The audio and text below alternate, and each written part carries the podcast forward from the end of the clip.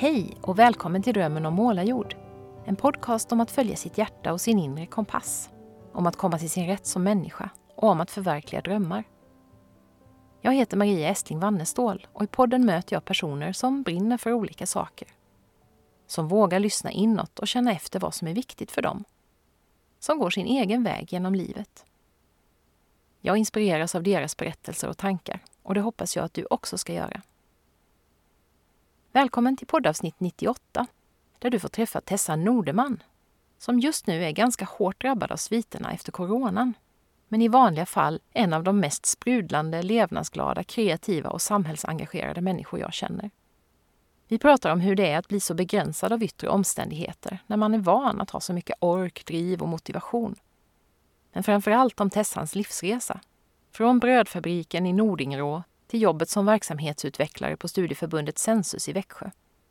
Och en massa däremellan, vilket har inneburit spännande och utmanande uppdrag på många olika platser i världen. Det handlar bland annat om att våga ta de där första stegen utanför komfortzonen. Om drivkrafter och världsförbättrande. Om att hitta sina livsriktningar eller ledstjärnor och navigera mot dem. Att tänka om när man upptäcker att man är på väg i fel riktning om hållbarhet, flexibilitet och kreativitet i vardagen. Och så förstås om vad ett slakterijobb på Island kan ha gemensamt med mina skrivhelger på Öland. Varmt välkommen att lyssna.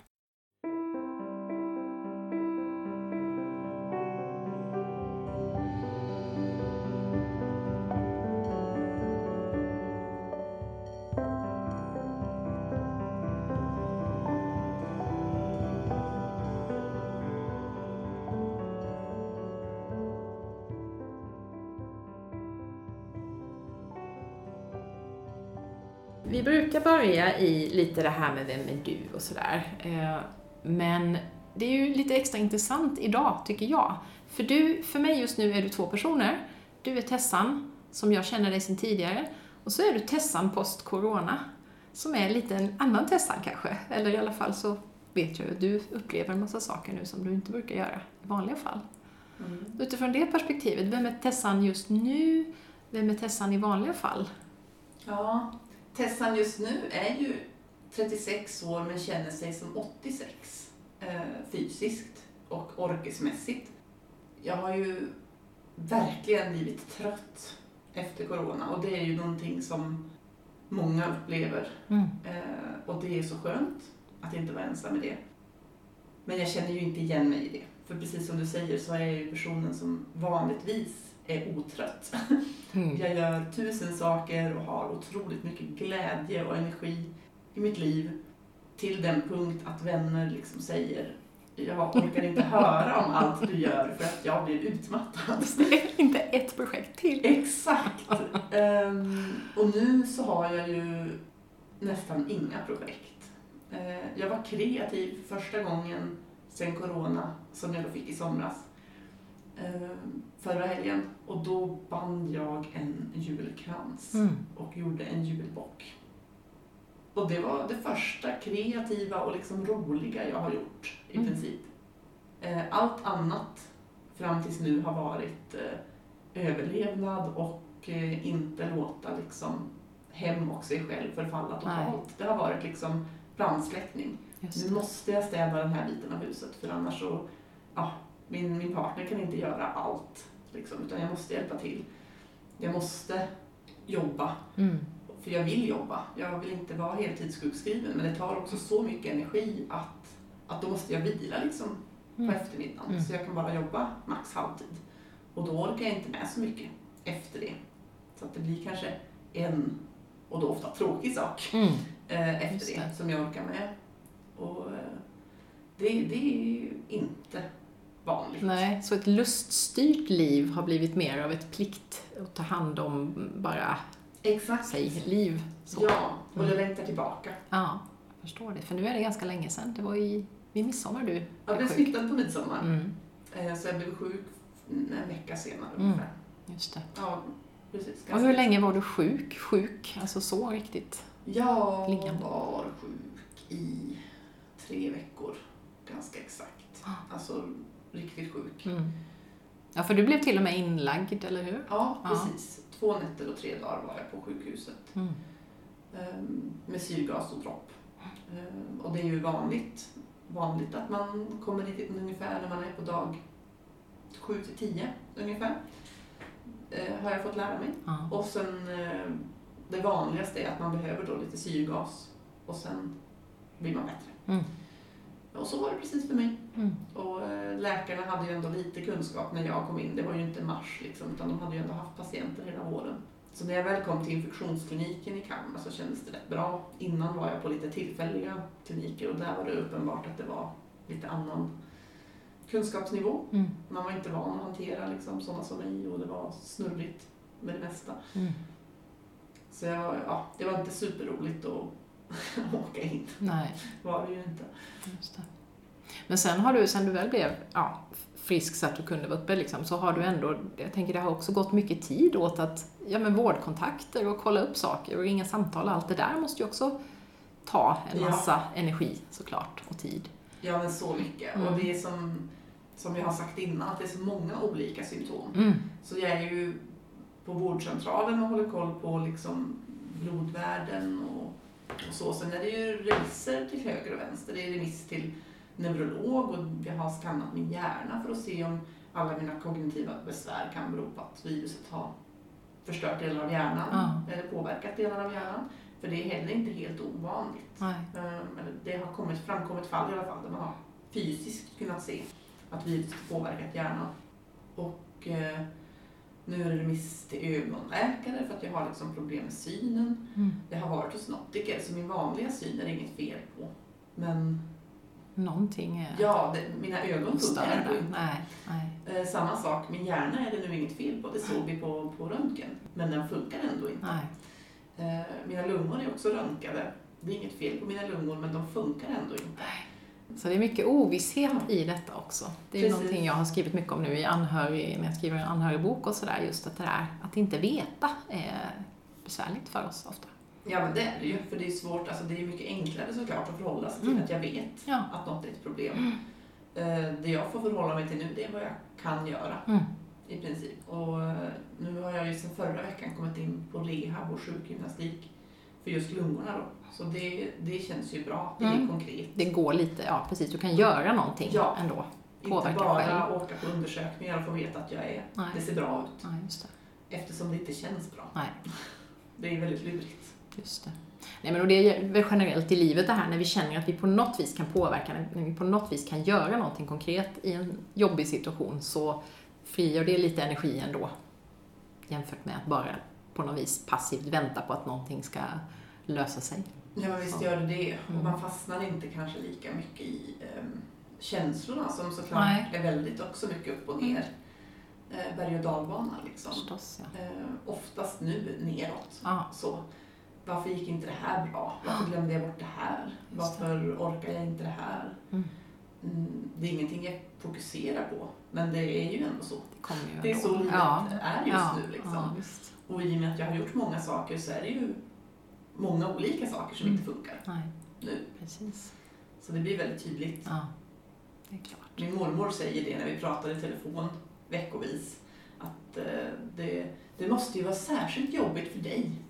Eh, som alltid har gjort så mycket. Ja, Och nu gör du inget. nej, just det. Och så har man ju lite dåligt minne. så det säger vi varje gång. Ja, Och ja, jo, jag vet. ja.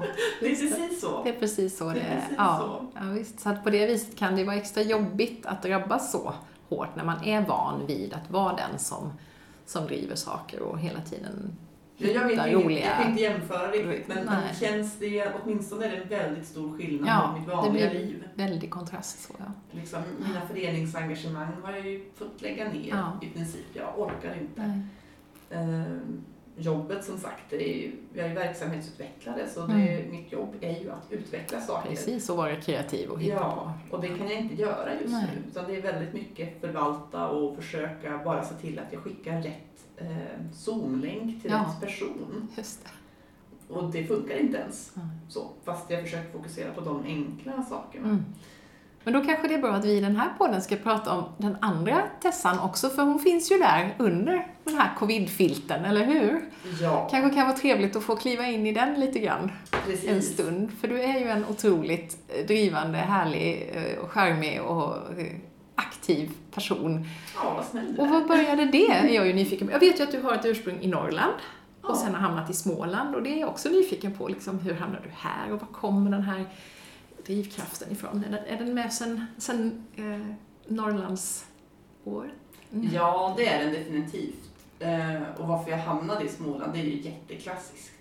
Kärleken. Kärleken, ja den är alltid där. Det, precis. Och jag var jättetydlig när jag flyttade ner då för studier. Då Mm. var jag 25 och jag sa jag ska absolut inte bli kvar. Nej. Men just det program jag ville studera fanns i Växjö. Och jag hade aldrig hört talas om Växjö innan. Alltså jag hade ingen aning om vart det låg Nej. ens. Eh, Och jag skulle absolut inte bli kvar. Och det här var ju då i augusti. Vi började skolan 1 september. Och i oktober så träffade jag min, eh, min partner då, som jag fortfarande är tillsammans med. Så ja, det var ju kört tidigt Ja. kan man säga. Ja, just det. Eh, Och det var ju typiskt.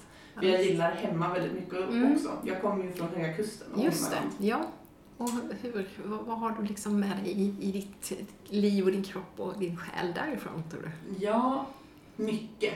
Eh, Jag flyttade hemifrån under ganska dramatiska former när jag var 18 och har ingen kontakt längre med Mm. min eh, liksom, kärnfamilj. Så. Och eh, det gjorde ju att jag ägnade ganska mycket tid ganska tidigt i livet åt att fundera på vad är viktigt för mig, Mm. vad är värt att göra och vad är inte värt att göra. Vad behöver jag för att må bra? Mm. och vad vill jag göra? Eh, Så en, en resa som många kanske skjuter upp tills de är liksom 50 och Mm. barnen har flyttat ut. Precis. Det gjorde jag kanske lite som 18-åring, kan jag känna fortfarande. Mm. Eh, Jag tänkte inte så på det då. Men eh, jag gjorde väldigt många medvetna val. Just för att jag insåg vad jag behöver för att må bra. Och det är bland annat möten med människor och lära mig nya saker och ha möjlighet att resa Mm. Och, och lära mig, liksom, förstå Just världen, förstå människor. Vad är kultur? Vad bär jag med mig? Hur påverkar det hur jag möter andra Mm. människor? Så jag har ju inte backpackat utan jag har ofta jobbat som volontär och bott längre på en plats Mm. för att liksom på det sättet, dels ekonomi, att Mm. jag hade ju inte så mycket pengar. Utan sista året i gymnasiet så jobbade jag, jag hade tre olika jobb. eh, Förutom gymnasiet då, Mm. för att kunna betala en hyra. Och bodde ju på ett ganska, så här i efterhand, eh, sunkigt ställe. Mm. Men jag var jättenöjd Just med det. det. Liksom, för jag var där jag ville vara. Men också liksom att vara på en, en plats en längre stund gör ju Mm. att du kan landa lite och se de här sakerna som inte kanske är uppenbara i kulturen. Nej. Som man inte ser varandra. Nej, och- precis. Och vad har vi för liksom inställning till könsroller eller Mm. eh, demokrati eller eh, ja, sådana lite osynligare Ja. Spännande. Ja. Så, så att ny, alltså egentligen nyfikenhet på både människor, kulturer, eh, olika samhällsfrågor och så är väl en, har väl Ja. varit en drivkraft för dig då i alla år egentligen? Ja, Ja. precis. Så, sen dess. Och sen när jag började jobba så jobbade jag ju på eh, både ICA och, och Polarbröd. Växlade lite mellan de två jobben. Eh, och några andra jobb som kontaktperson och, och så. Eh, under de åren som jag reste. Så jag kom, var Mm. hemma i Sverige och i Nordingrå och jobbade väldigt hårt. Och, Mm. eh, ibland lite så dubbla pass och eh, sov sex timmar och kör igen eller sova två timmar och kör Ja. igen. Och, och det funkar ju faktiskt när du är 20. Just det, det hade inte funkat så bra nu med corona och allt precis. Nej, det är långt ifrån. Ja. Och även med åldern. Ja, alltså, nu är jag ju såklart. faktiskt 36. Det är Ja, dubbla åldern Ja. och jag skulle nog inte orka med det nej. på samma sätt Just idag. Men då hade jag ju en explosion av energi. Ja. Och sen när jag åkte iväg då, då, då levde jag billigt Mm. för att kunna vara iväg länge. Just det. Och vart, vart tog de eh, utflykterna dig? Ja, jag började med att vara ett halvår i Spanien som volontär eh, genom ett EU-program. Eh, och det, det var väldigt bra. Eh, jag kunde ju inte spanska och de, de frågade ju min, eh, den kontaktperson jag hade i Sverige då eh, om jag kunde spanska. Och det hade hon sagt att jag kunde. Jaha. För hon ville så gärna att jag skulle åka iväg. Eh, För hon tyckte att jobbet i övrigt passade mig så bra. Ja. Det handlade om att eh, prata om EU och Europa med tioåringar, Mhm. fyran, femman i skolor. Så göra en sorts kampanj, informationskampanj om, om andra länder och kulturer. Mm. Och hon tyckte att det skulle jag göra. Och det tyckte väl jag också, men jag blev ju lite förvånad då när jag kommer fram på flygplatsen och de säger he- hej på spanska. Och Ja, pratar du spanska? Och jag säger nej, English. Och då säger personen ha, you have six weeks. För efter sex veckor så skulle Ah. jag hålla någon sorts föredrag om jämställdhet i Sverige Yes, på spanska. på spanska för en högstadieskola. Ha. Det är bara in i elden då. Ja, så det var ju lite spännande. Mm. Så. Eh, Och just precis exakt där då tänkte jag, ja, det här måste ju gå bra. Och hade ju två timmars bilfärd och, och reflektera över hur jag skulle lösa det här. Mm. Och ja, jag konstaterade att det är bara att köra. Ja. Liksom. Oftast så, då var jag väl 21 och jag tänkte väl att oftast så har det ju löst sig när jag liksom bara kör på. Ja. Att sitta och oroa sig, det är inte riktigt eh, min grej och det är inte så konstruktivt heller. Så jag lärde mig ju faktiskt eh, tillräckligt med spanska för att kunna hålla det här föredraget. Mm. Eh, med hjälp också av en privatlärare som jag hade två gånger i veckan. Mm. Och eh, efter tre månader skulle jag säga så pratade jag ju helt okej spanska. Ja. Och när jag kom hem så ja, tentade jag av gymnasiespanskan och började plugga Mm. på deltid. Mm. eh, Spanska på universitetet. För jag tyckte det var så roligt. Ja. Och det hade jag ju inte tänkt. Alltså, språk har jag inte varit så intresserad av innan. Nej. Jag pluggade natur på gymnasiet. Ja. Eh, Men så blev det Ja. med det. Och det var jättebra och idag är det en stor eh, tillgång för det har ju tagit mig till jobb, Såklart. jobb i Guatemala som Ja. medföljare. Och jag har även skrivit en, en magisteruppsats i Bolivia Mm. Eh, om hbtq-ungdomar och sociala medier. Ja. Att, eh, Och det där Ja, är ju så, ser liksom- ja och det tycker jag är så spännande. Just det där när man, när man vågar kasta sig ut i sådana där situationer. Så just det där att, ja men det öppnar dörrar som man inte då ens visste att man skulle gå in genom. Det är Exakt. jätteroligt och inspirerande. och så är det ju hela tiden. Och Mm. jag har gjort många andra knasiga eller ovanliga val kanske och, och jobb. Och ibland så säger ju människor till mig att de önskar att de hade gjort som Ja. jag eller att de kunde göra som jag. Mm. Och kanske särskilt när jag bodde i Nordingrå och umgicks med människor i min egen ålder och som kanske inte då reste lika mycket eller, eller ja, nu ska jag åka och plugga, jag är 25 år och nu ska jag börja plugga i, i Mm. Växjö Mm. som jag aldrig hört talas om och inte känner en enda människa i. För mig var det inte konstigt eller svårt utan det Nej. är bara nu gör jag det här. Ja. Eh, men för många andra så är det ju kanske konstigt eller svårt. Mm. Och så, när de då pratar med mig om det så säger de jag önskar att jag också kunde. Mm.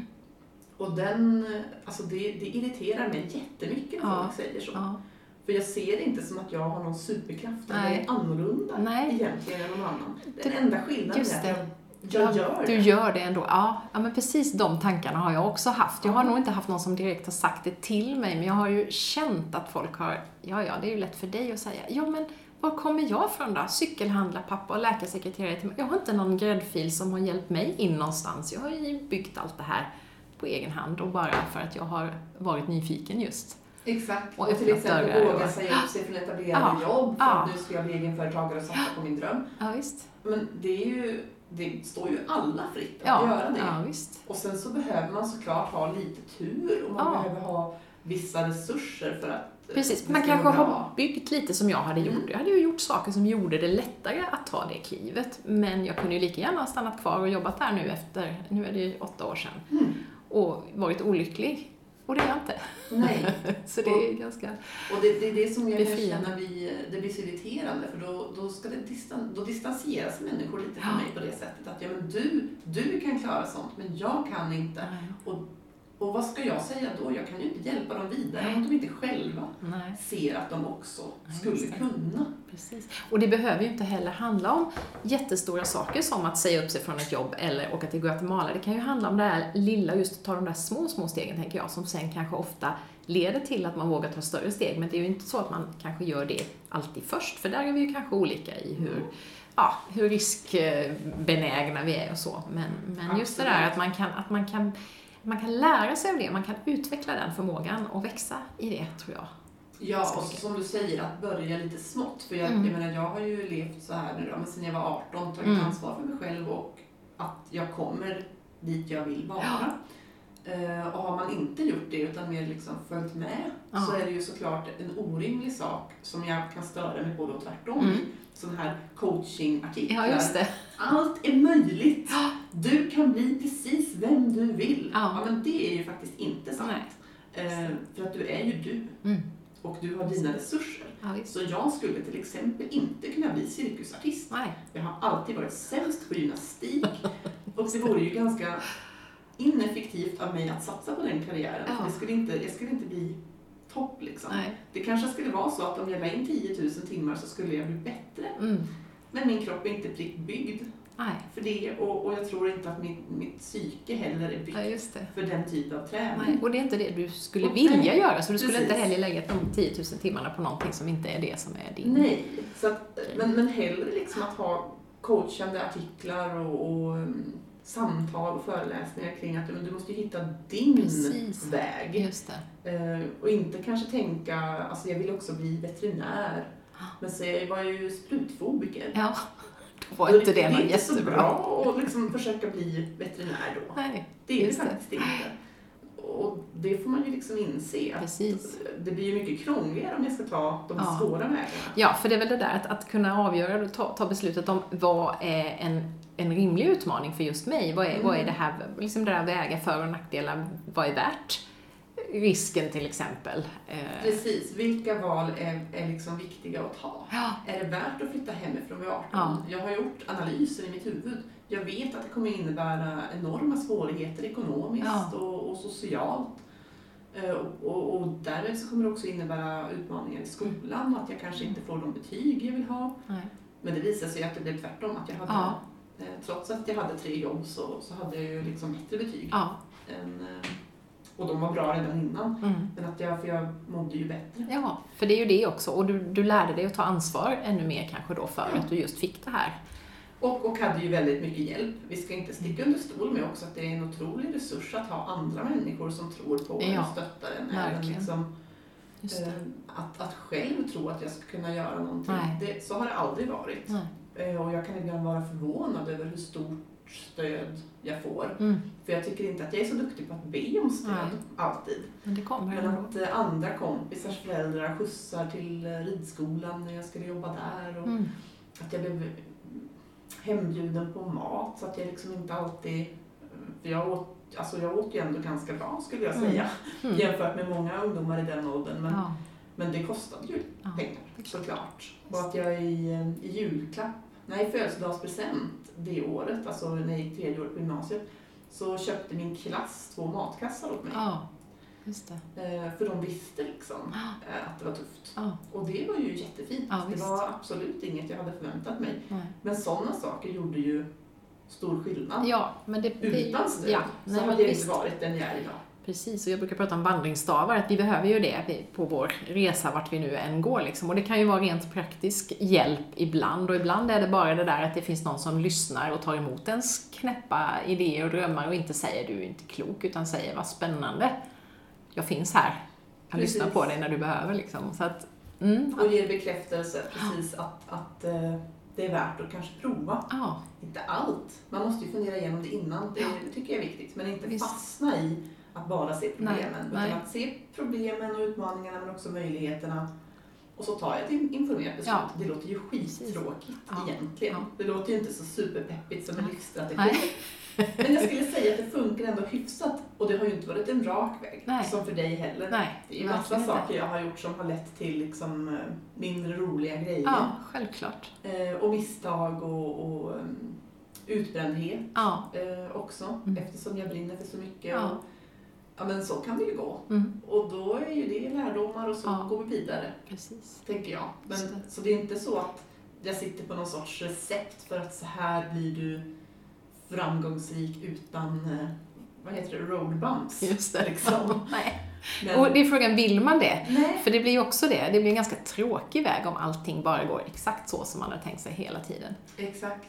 Och jag tror ju på det här, men du är nog inne på det, eh, just det här att men på något vis, den här podden handlar ju mycket om att följa sitt hjärta och liksom ta hjälp av ja, intuition eller vad vi nu kallar det, eller lust eller så. Men att det kan inte bara vara det, utan vi måste ju koppla på hjärnan också och kunna, i, i alla fall i vissa, ibland måste vi gå emot liksom de rationella tankarna för att till exempel våga, som jag gjorde då, sa upp mig samma dag som jag fick ett fruktansvärt skattebesked om att jag skulle betala en massa restskatt. Där hade ju min hjärna kunnat säga, nej men du Maria, vi tar det här ett, om ett år istället, det här är inte rätt läge. Men jag gick emot och gjorde det.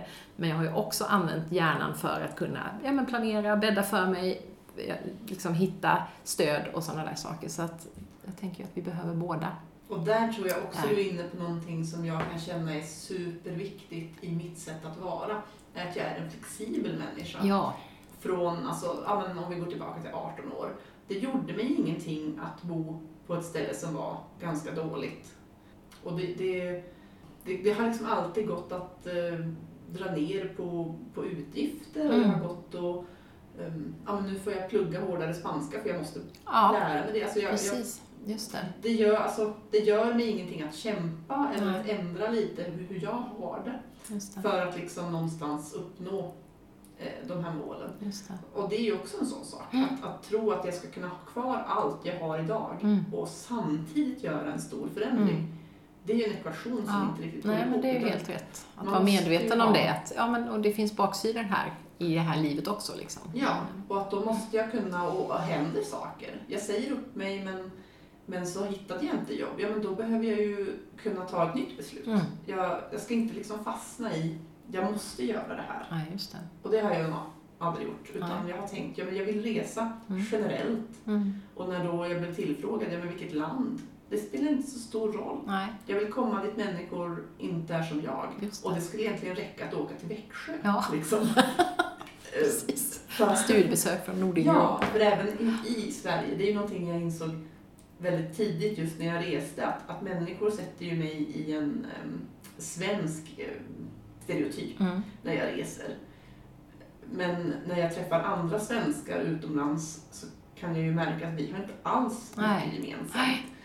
Utan, och, och vi passar inte in kanske i stereotypen heller. Nej. Så att där har jag väl kanske någonstans hamnat, att det har varit fantastiskt intressant att se alla de här kulturerna och möta människor och lära mig språk. Mm. Jag kan prata lite kambodjanska och isländska och Ja. liksom, eh, massa olika språk. Men egentligen så räcker det ju med att möta människor i min by Ja, för att få samma typ av eh, lärande möten. ja, precis. Och de här Faktiskt. lite olika perspektiven och, och För, för vi har inte samma perspektiv.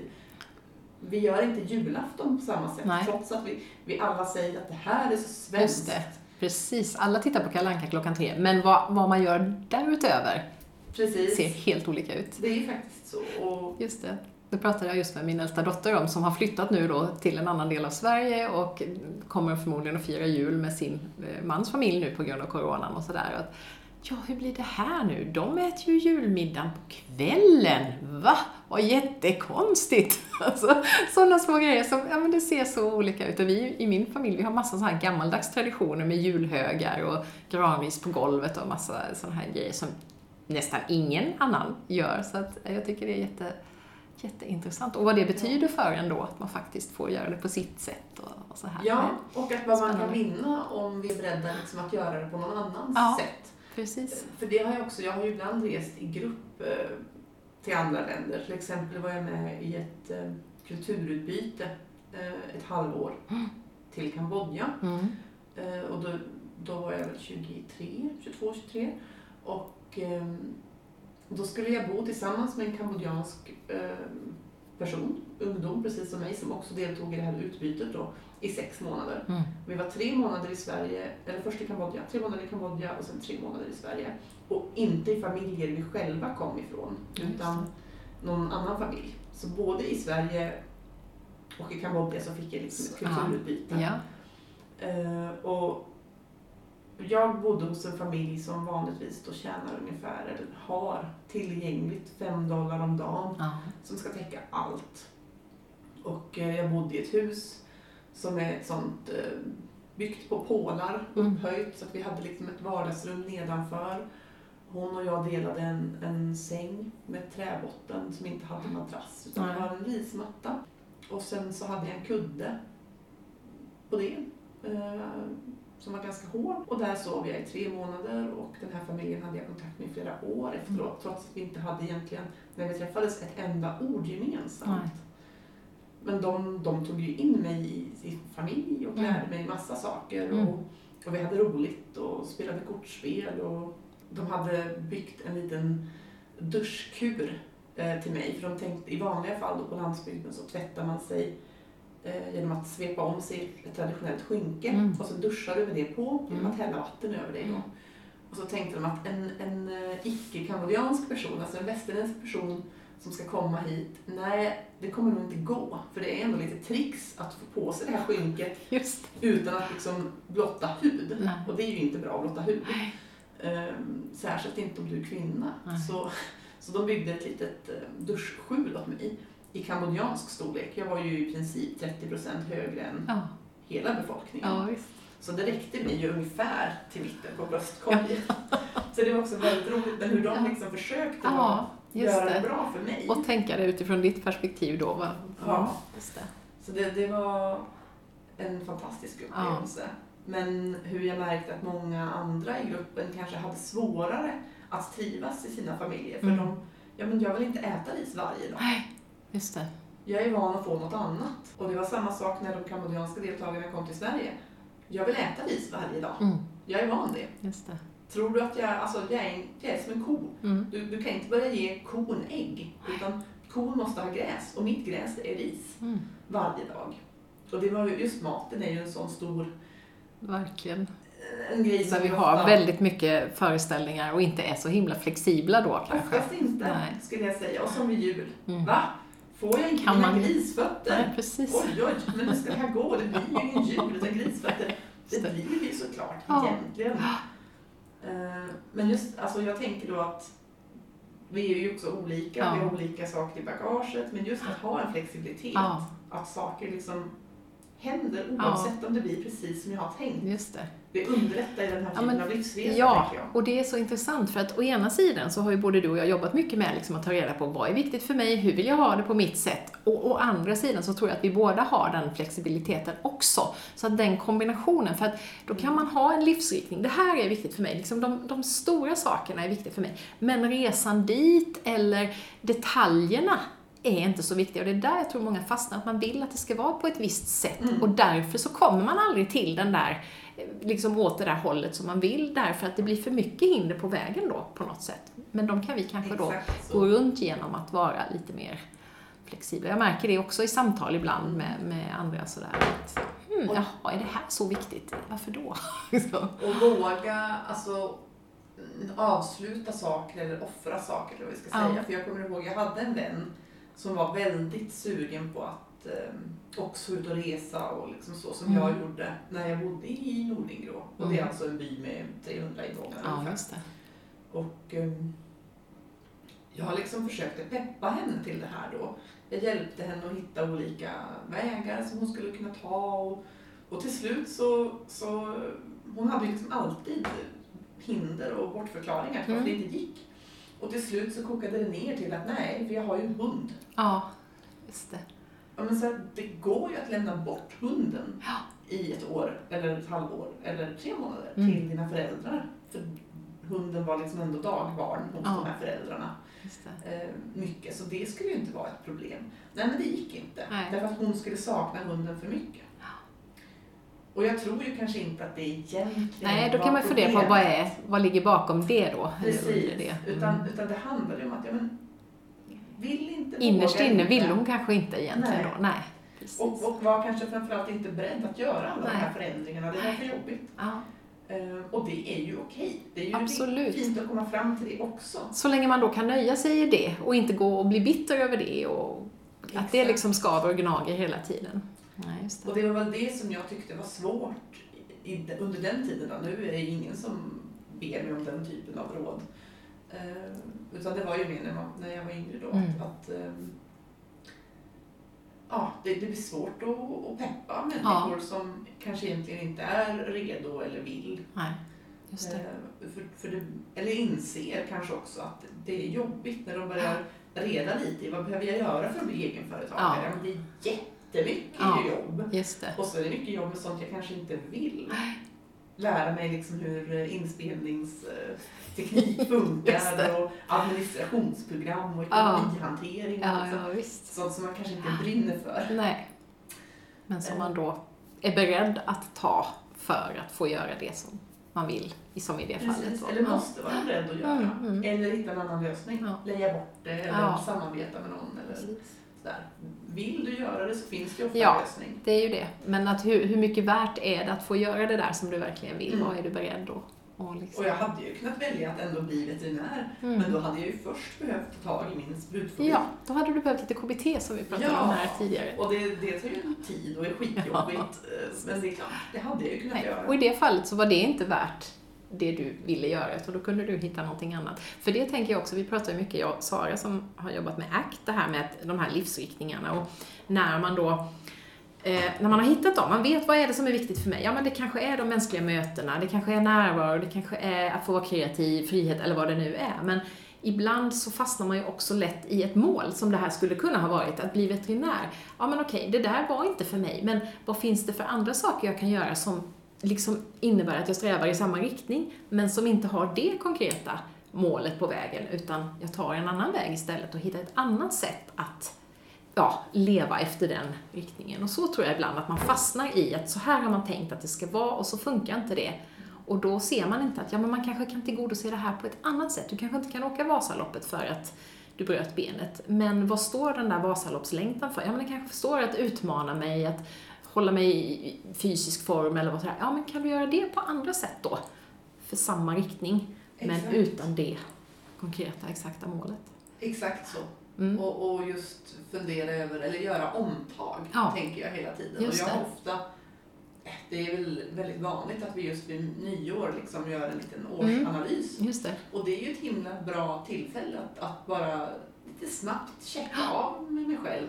Är jag på rätt väg? Ja, Är det här liksom, precis. har det här året tagit mig framåt eller bakåt? Ja, Eh, och, och så länge jag liksom känner det, att jo men jag gör roliga saker och så Mm. länge jag gör saker jag tycker är roliga, då hamnar jag ju på platser Ja. som är bra för mig. ja visst. Och så har jag tänkt och ibland har det blivit fel. Mm. Min första utlandsupplevelse var i USA eh, genom en kontakt med en kund på ICA som hade bekanta som bodde i USA. Och dessas bekantas bekanta behövde en, eh, ja, de kallade det att jag skulle vara, eh, hjälpa till med djuren och hushållet. Så någon sorts eh, assistent, hushållerska och sådär. Ehm, och det tackade jag ja till. Och sa upp mig från då, då hade jag fått en tillsvidareanställning på, på ICA och sa upp mig och, och tänkte att absolut ett år i USA som det här, det kan jag göra. Jag gillar djur, det blir jättebra. Och kommer dit och upptäcker att jag inte alls är särskilt superintresserad av att dammsuga väggar och allt möjligt som det liksom skulle göras i det här huset då. Eh, Och jag kanske inte alls trivs jättebra egentligen i en, ehm, i en kontext där när vi ska byta vardagsrumsmatta så kommer det in liksom en, en uppenbarligen ganska välbeställd person med fyra mexikanare som inte då är så himla välbeställda med sig och att de flyttar runt alla möbler i, vardagsrummet och lägger ut alla mattor och ställer tillbaka alla möbler för varje matta Mm. för att då den här kvinnan skulle kunna välja matta liksom, Ja, på ett bra det. sätt. Och hon kan inte bestämma sig, Nej. så hon tar två. Och då kostar alltså båda mattorna över 10 000 dollar Mm. styck. Ah, Och det var inte riktigt din eh, kontext nej, kanske då? Nej, Nej. verkligen inte. Och, och att jag kunde bli klappad på rumpan med ett Ja. litet skratt. Så här, det här är Tessan, hon är Mm. vår svenska live-in. Ja. Ha, ha, ha. Hon är så duktig. Ja, just det. Mm. Nej. Nej. Och då går det ju ganska snabbt kanske att göra en liten eh, check. Mm. Är jag på rätt väg? Ja. Nej, men det här kommer faktiskt inte leda mig någonstans Nej. där jag trivs. Nej, precis. Jag åker hem. Ja. Hej då. För just det där, det stämmer på vissa sätt, för det var ju att komma någon annanstans och, och sådär, men det var inte rätt och då behöver vi justera den där kompassriktningen Ja. en gång till liksom. Och det var helt, helt värt. Och jag tänker, hade jag varit en person som var kanske lite mer fast i, men nu har jag tagit ett beslut, nu ska jag Ja. hålla mig till det. Då hade jag varit kvar ett år. Mm. På bara de här tre månaderna gick jag ner 10 kilo. Ja. För de tyckte att det såg lite för lat ut Ja. när jag satt ner och åt. Eh, Så jag fick stå och äta. Ja, Till exempel. Ehm, Om det var andra människor i huset, och det Ja. var det ofta, för de byggde om och renoverade och Ja, sådär. Ehm, Så det var, nej. Nej, och då får man ju ta med sig de lärdomarna man har fått av det då. För det är Ja. ju så, vi lär ju oss liksom inte bara av det som går bra, vi lär ju oss också av de där kringelikrokarna vi tar som inte riktigt ledde dit där vi hade tänkt oss.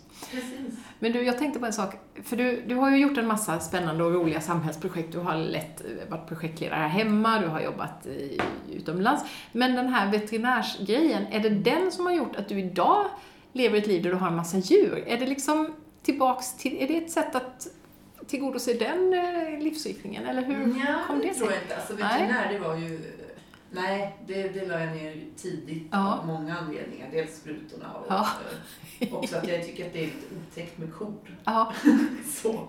Eh, nu har jag hittat en supersöt koras Ja. som är liten, Dexterkor. ja. Så de kanske jag skulle kunna tänka mig att tycka om. ja, för nu lever du ju ett liv där du har möjlighet att ha djur, eller hur? Ja, ditt- fast inte så stora Fast inte, djur. kanske inte Eh, kor. Men, men jag har ju ankor och höns och vaktlar och kaniner och en katt. Och bin.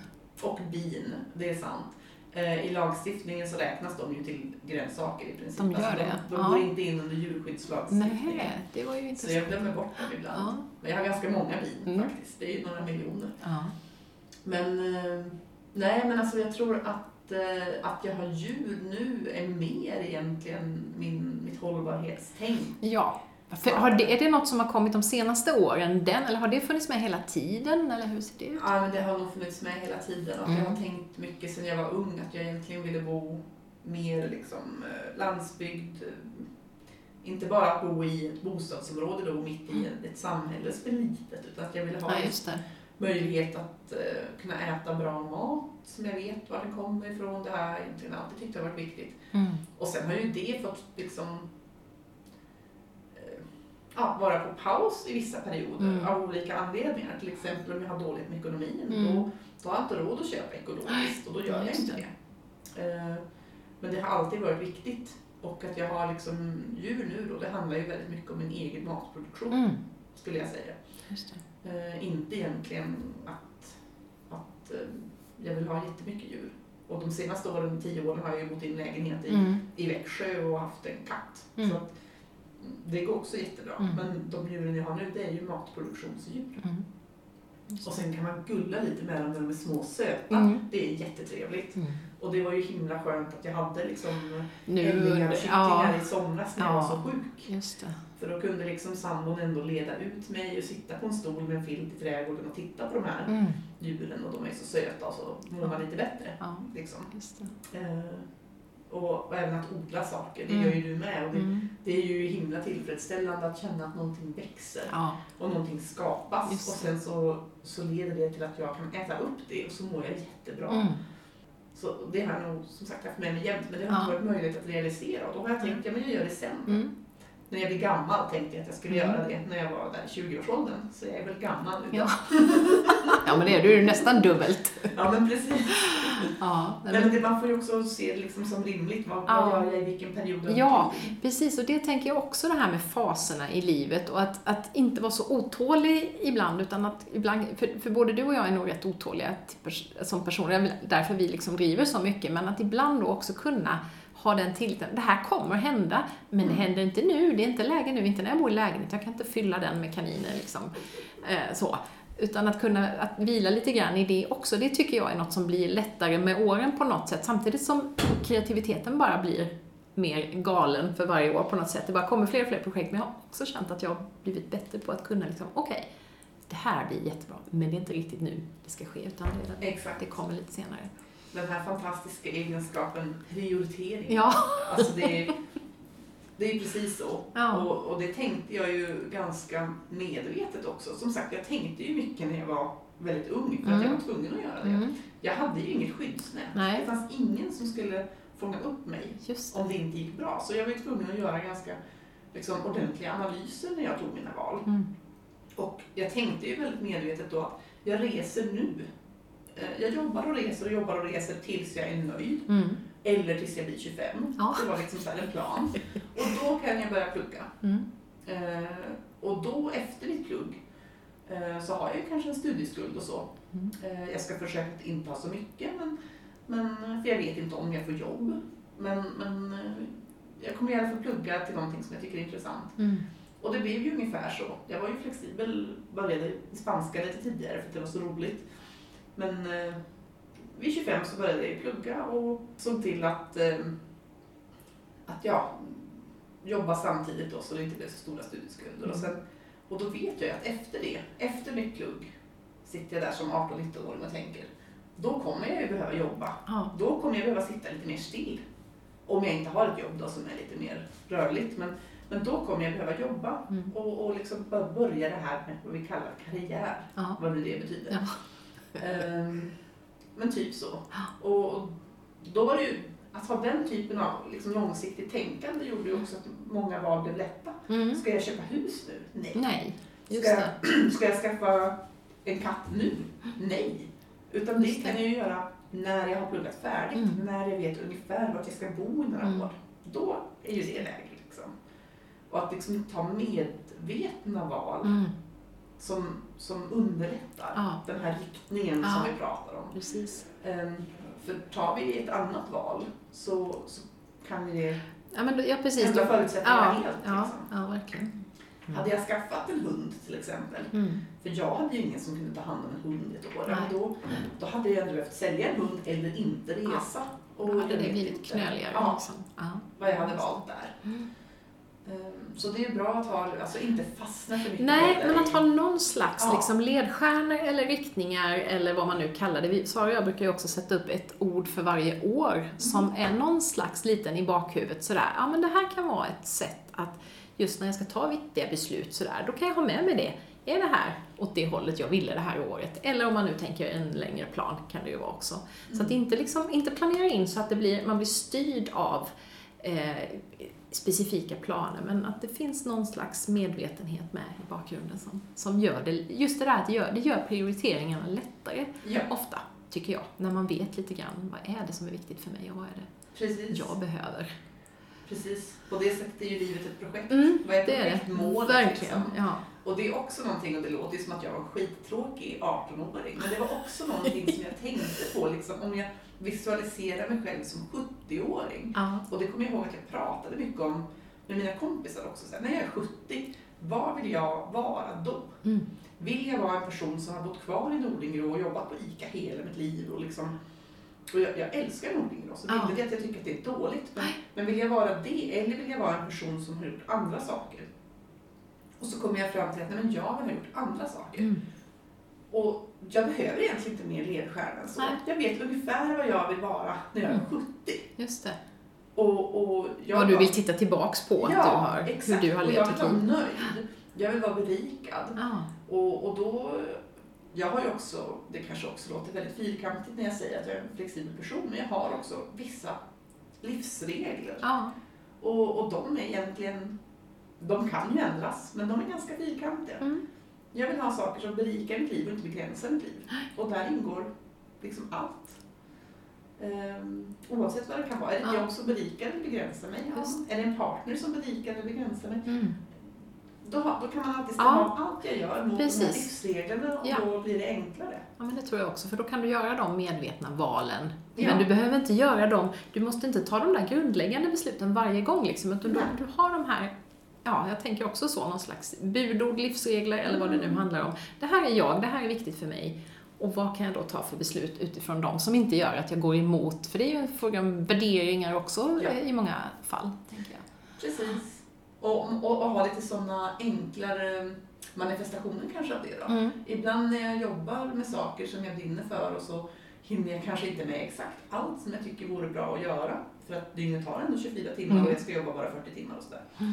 Eh, då, då har jag en sån, ja men dör någon om jag inte gör det här? Nej. Nej. Ja, då det. gör jag inte det här. Nej.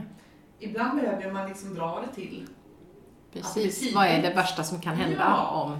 precis. Mm. Eh, Åt båda håll egentligen. Om jag inte gör det här, eller vad är det värsta som kan hända om jag gör det här? Om jag ja, kastar mig ut och testar det här, precis. till exempel. Ja. Och om man säger, vad, vad är det värsta som kan hända? Jag säger upp mig från ett jobb och, och flyttar utomlands till ett svart jobb då, eh, helt utan eh, säkerhet. Vad är det värsta som kan hända? Mm. Ja, men eh, att jag får åka hem, Mm. vilket ju var Just vad som hände. Ja. Är jag okej med det? Ja. Ja. Det, det är liksom, då har jag provat. Precis. Ehm, Och det tror jag också, att prova det här, att våga prova saker. Att inte tänka att provar jag det här nu så måste jag hålla på med det här resten av livet. Mm. Utan nej, jag kan prova det här ett litet tag. Och blir det inte rätt eller bra, då kan jag göra om och göra, inte göra rätt för det finns nog inget, Mm. men göra om och göra det mer på mitt sätt eller vad det nu handlar om.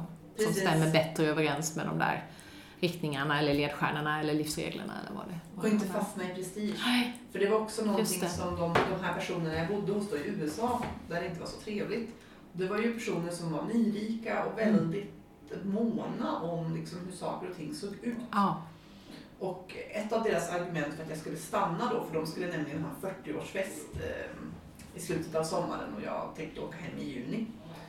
Ehm, så fort som möjligt liksom. Mm. Och eh, de tyckte att ja, men vi kan betala dig dubbelt och så, eh, och så stannar du så länge. Och jag sa nej men det, det handlar Det är inte pengarna, det. Utan Nej, jag vill åka hem, jag trivs inte med det här. Det är inte ett upplägg som passar mig. Och då tyckte de att, ja men vad ska alla säga då? Nu Ja. har du sagt att du ska flytta till USA ett år och Just det. du kanske ska komma hem med sparpengar och, och sådär. För det var inte så att jag hade dåligt betalt egentligen. Mm. Så. De betalade alla mina omkostnader och, Ja. och sådär. Så att, ja men vad ska folk säga? Ja, att det är viktigare då än att känna och jag efter kände, vad det spelar vill ingen roll. Nej. Det är ingen av mina vänner som, som kommer tycka att jag gjorde ett dåligt val. Och om de gör det så är det kanske inte mina vänner. Nej. Just det. Alltså då passar de inte mig. Nej. Och, och det, att inte heller vara rädd för det. Att men vi kanske inte har så mycket gemensamt. Mm. Så vi kanske inte behöver umgås. Det gör ju ingenting. Är det någon som dör och att vi går vidare? Nej, ja, men då kanske man ska göra det.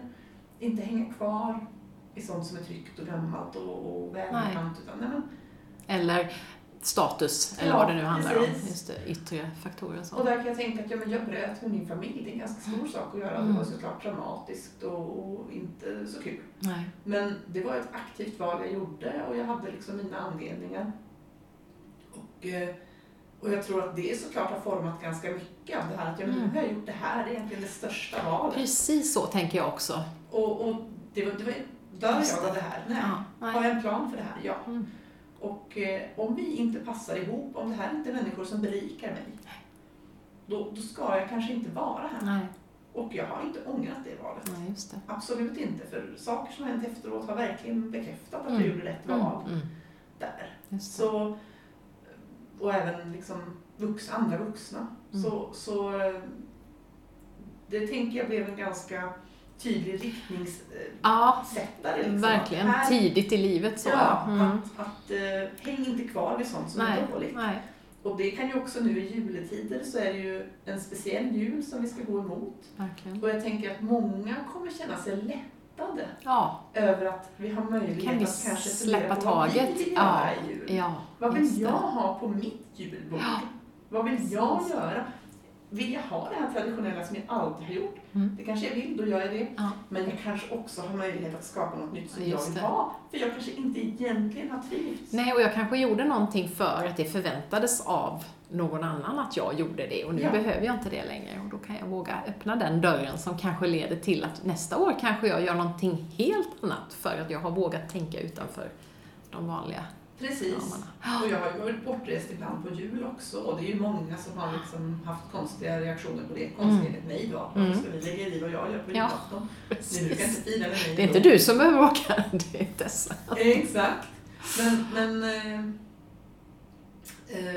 eh, måste säga, som jag sa till mormor liksom första gången, ja men jag, det kommer ju fler jular. Ja. Det finns väl ingen anledning att jag ska liksom hoppa av den här jättespännande grejen Nej, för att det är jul. Utan nu vill jag göra den och nu vill jag göra den över jul och då Mm. gör jag det. Det. Och så kommer vi tillbaka nästa år. Mm. Och mormor har ju varit en superviktig person för mig och hon, Mm. hon har ju alltid accepterat det här. Och hon är över 80. Mm. Och då tänker jag att ja, men en mormor som är gammal och verkligen har anledning liksom att vara fast i sina traditioner Ja, är flexibel med det här. just det. Varför ska då jag Nej, hålla men fast vid något? Ja, visst. Och, och varför ska egentligen mina, mina kompisar ha andra Ja. åsikter? Ja, De visst. påverkas ju inte överhuvudtaget Precis. av de här valen. Nej. Hon har alltid sagt att ja, du är ju udda, Ja. men, men så länge du liksom mår bra och, och inte skadar någon. Och, och med allt jag har Ja. gjort som Ja. är annorlunda. Och att jag är flersam och liksom har flera partners. och, det. och åker halva jorden för att kanske ta jobb som inte är så inom situationstecken karriärfrämjande då. Nej. Alltså ta mig inte till någon sorts veterinärjobb eller prestigejobb utan ja, alla de sakerna. Men hon har ju accepterat Mm. det. Mm. Ja då så. Då så. Det är liksom hon som är viktig Ja. på något vis. Ja, Alltså, visst. om, hon, om hon hade tagit skada då hade jag Mm. kanske gjort annat. Men Mm. nej. Nej. Nej, men det är väl en bra livsdevis. Jag tänker också på, du har ju jobbat mycket med, ja men du har, det har varit liksom ett engagemangs världsförbättrarperspektiv på mycket av det du har gjort också med projekt av olika slag och hur du själv lever ditt liv och sådär. Liksom, är det någonting som, som också har växt fram? Du sa att hållbarhetstänket har nog funnits hela tiden, men att engagera sig i samhällsfrågor och sådana här grejer, hur... Ja men det har, nog, det har växt Har det- fram det har växt fram. Ja. eh, Du har testat någonting och så har du Mm. lärt dig något som har lett vidare till något annat och så? eller? Ja, jag har fått upp ögonen för en massa Mm. saker. Att jag Mm. genom mina resor och, och så har jag ju, ja, lärde jag mig väldigt mycket om Mm. orättvisor och Ja. det blev uppenbart saker som sexism och patriarkat och, Mm. och ojämna liksom, ekonomisystem i världen som Mm. gör att vissa behålls fattiga och rik, blir rikare. Och, Mm. Alltså att jag fick mycket, ja, så det absolut, Mm. det har kommit. Mm. Det skulle jag inte säga fanns eh, liksom som 18-åring nej just där, utan Mm. det har kommit. Och sen efter, när jag valde studier då, så valde jag att utbilda mig till kommunikatör med Mm. inriktning på fredsutvecklingsarbete. Mm. För jag tänkte att ja, men det låter bra, det är Mm. någonting jag kan tänka mig att jobba med. Mm. Och sen har jag ju bara jobbat som projektledare Mm. och Med massa roliga grejer. och Ja, visst. eh, Ja. Och inte kanske så mycket, ja det har ju varit utvecklande och det har Ja. varit liksom, ja det är ju inte krigsfrämjande utan det är såklart fredsfrämjande men på Mm. en annan nivå kanske. Ja, ja, inte i en internationell kontext. Det. Men, eh, Men i det lilla, att jobba med, ja men du har jobbat med tjejer, du har jobbat med feministiskt självförsvar och civilkurage. civilkurage. Eh, Ja, precis. och volontärprojekt, Ja. alltså att hjälpa andra ungdomar då att åka iväg utomlands. Och, och nu som verksamhetsutvecklare och Mm. IPS projektledare för att lyfta eh, mensfrågor. Ja, och just det, det också, ja. Mens, ja. Ja, ja. Så, så det är ju, Just ja, det. allt har varit på samma tema utom då när jag två säsonger jobbade på slakteri på Ja, Island. ja. Det sticker ut lite. Det sticker ut Det lite. är inte så världsförbättrande kanske. Men Eh, kanske för dig, för att du fick ett nytt perspektiv på någonting som Exakt, du tar med dig hem och, och inte så dåligt betalt Nej. var det inte. Så ganska bra att göra när man studerar. Mm. Eh, Så ja, men annars så går jag Mm. faktiskt lite i, och det är det, ja men jag väljer ju saker som jag tänker ge mig någonting. Mm. Och Island gav mig ju både dels pengar men också naturen där är ju fantastisk Mm. och det blir också en paus.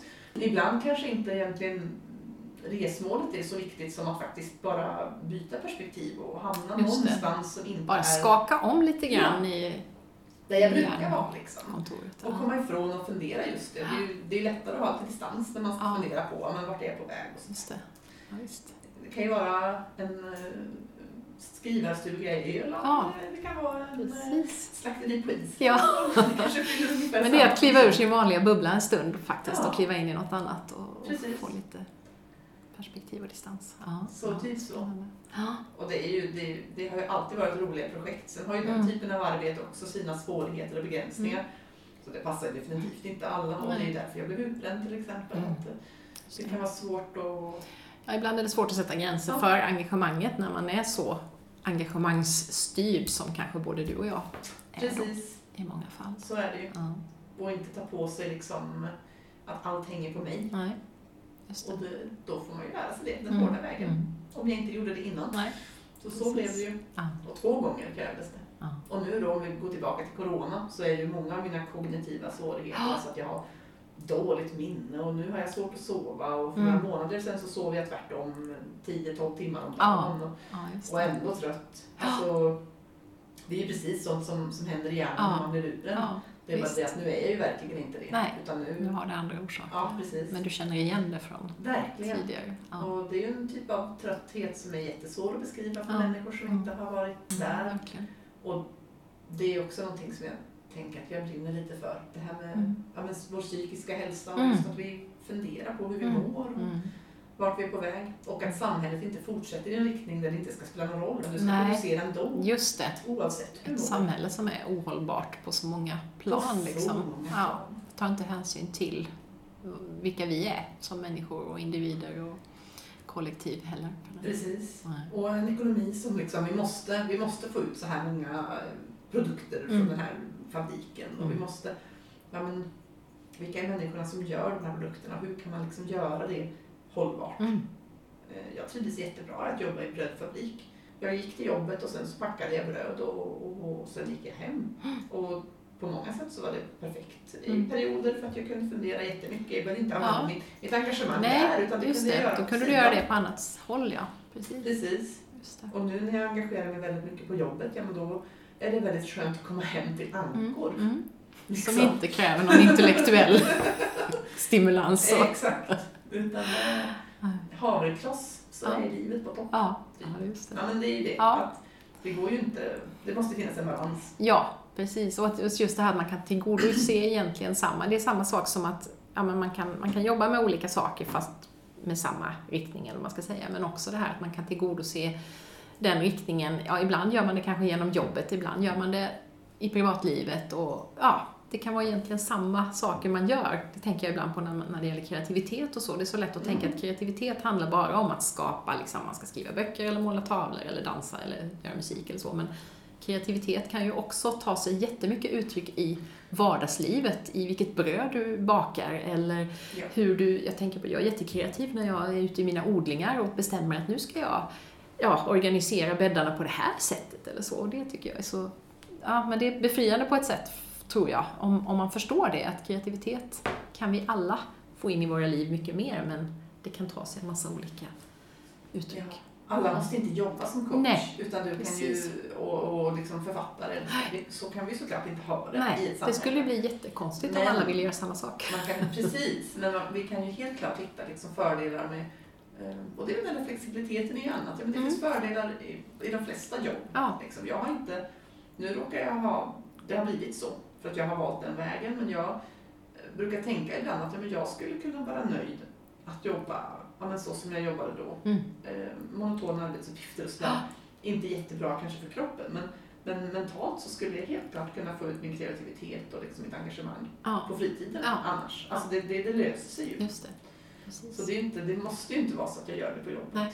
Det viktiga är väl att göra det någonstans, att Ja. man någonstans har någonting där man får utlopp för vad det nu är för någonting. Kreativitet eller samhällsengagemang eller Exakt. vad det handlar om. Livet blir i alla fall roligare. Det blir mycket roligare. Ja. Och det är väl ett bra sätt att avsluta vårt poddsamtal, tänker jag. Livet Ja. blir roligare om vi lyckas få in lite av det där som vi brinner för, någonstans. Mm. Tack snälla Tessan för att du kom hit och pratade med mig. Det var väldigt roligt. Vi kunde ju faktiskt också träffas IRL eftersom du då är ganska förbi den här, ja du är inte förbi coronan, men du är förbi smittperioden. Så Precis, tack så jättemycket. Det har gett jättemycket energi. gott.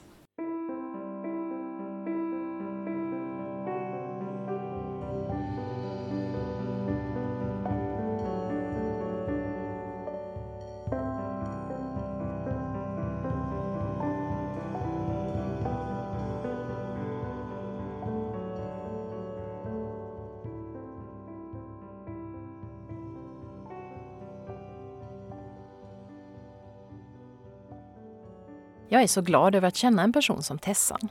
Hon inspirerar mig att våga ta ut svängarna. Och jag tycker att det finns flera viktiga tankar att fånga upp i vårt samtal. En är det där med huruvida vi föds med en tydlig inre kompass eller inte. Jag är helt övertygad om att det för de flesta av oss inte är så, även om det finns undantag. Vissa människor verkar ju vara en Pippi Långstrump från början, veta precis vad de vill och se till att det blir så. Men för de flesta av oss tror jag att det är som för Tessan och mig, att vi har vågat börja prova oss fram och blivit allt modigare och bättre på att prioritera. Helt enkelt vågat börja lyssna på den där inre rösten. Även om det för min del dröjde betydligt längre än för henne. Viktigt här är också det som vi pratar om, att man kan börja med små steg och så våga mer efterhand. Testa och se vad som funkar.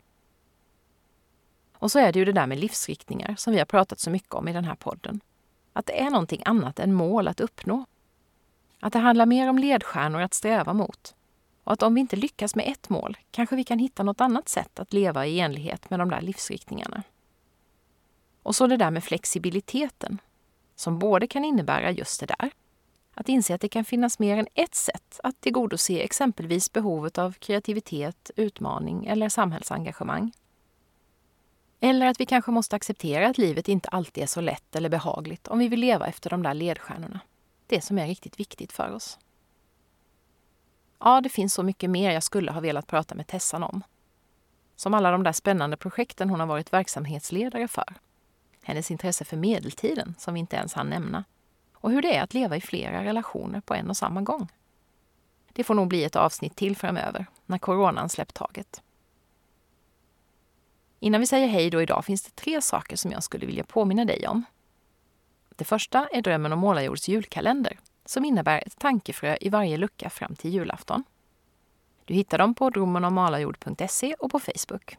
Och du kan också få dem direkt till din mejlkorg varje morgon.